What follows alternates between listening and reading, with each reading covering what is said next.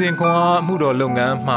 ရွေးထွေးလှိုက်လဲစွာကြိုဆိုပါတယ်။နာတော်တာစင်သူများအားလုံးအပေါ်မှာ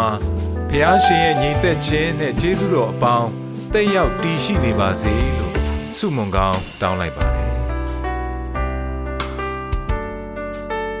ဖေဖော်ဝါရီလ24ရက်စနေနေ့ဒေသနာချမ်းခန်းကြီးလေးအငယ်ကူးမှစနေ လူသည်တယောက်သေးတဲ့နှစ်ယောက်သာ၍ကောင်း၏စူးစမ်းအားထုတ်လင် ကောင်းသောအကျိုးကိုရတတ်၏တယောက်လဲလင်တယောက်ထူလိမ့်မည်တယောက်သေးသောသူလဲလင်မူကားအကျိုးနေပြီးထူသောသူမရှိလူသည်နှစ်ယောက်အတူအိတ်လင်နှွေးတတ်၏တယောက်သေးသောသူမူကားအဘယ်သို့နှွေးနိုင်သနည်းလူတယောက်သည်တယောက်ကိုနိုင်လေထိုလူကိုနှစ်ယောက်စီးတားနိုင်၏သုံးလုံးတင်သောကျိုးသည်လည်းအလွယ်တကူမဖြစ်တတ်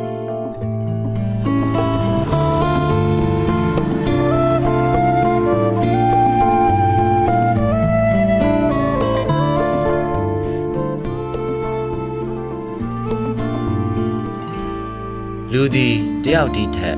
နှစ်ယောက်သာ၍ကောင်း၏တယောက်လဲလင်တယောက်ထူလိမ့်မည်ဒေသနာကျမ်းခန်းကြီးလေးငယ်9မှ30အတူရှိခြင်းသည်တာ၍ကောင်းသည်ကောင်းငင်ထက်ဝဲအည်များရွေလျားသည့်ပုံစံဖြင့်အေယာမစတာလင်ငတ်အုပ်ကြီး၏အန်အောဖွယ်ပြန်တန်းလှုပ်ရှားမှုကိုဆိုရင်ဆိုကာသည်နှစ်ပေါင်းများစွာအချိန်ယူကာဓာတ်ပုံရိုက်မှတ်တမ်းတင်ခဲ့သည်ဤသို့ အံ့ဖွယ်မြင်ကွင်းကိုစောင့်ကြည့်ရခြင်းကစီစဉ်တကြတရိပ်ရိပ်နှင့်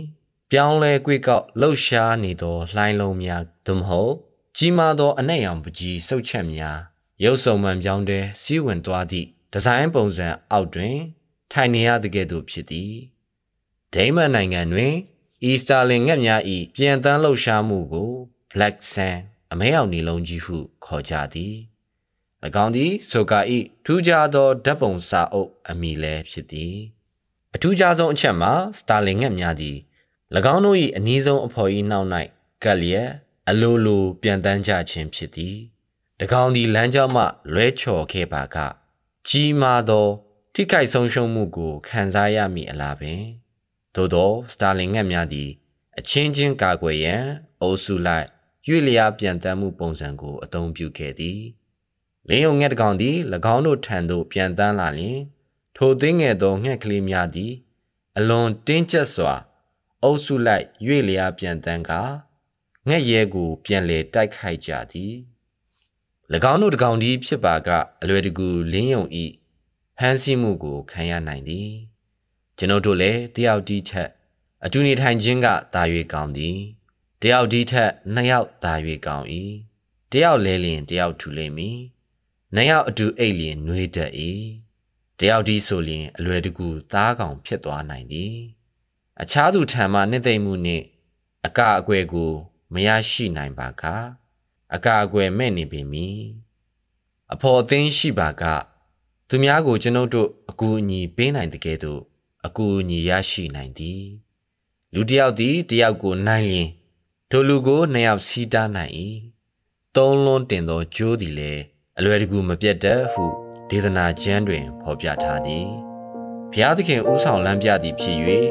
ကျွန်ုပ်တို့အတူရှိနေခြင်းကသာ၍ကောင်းပေသည်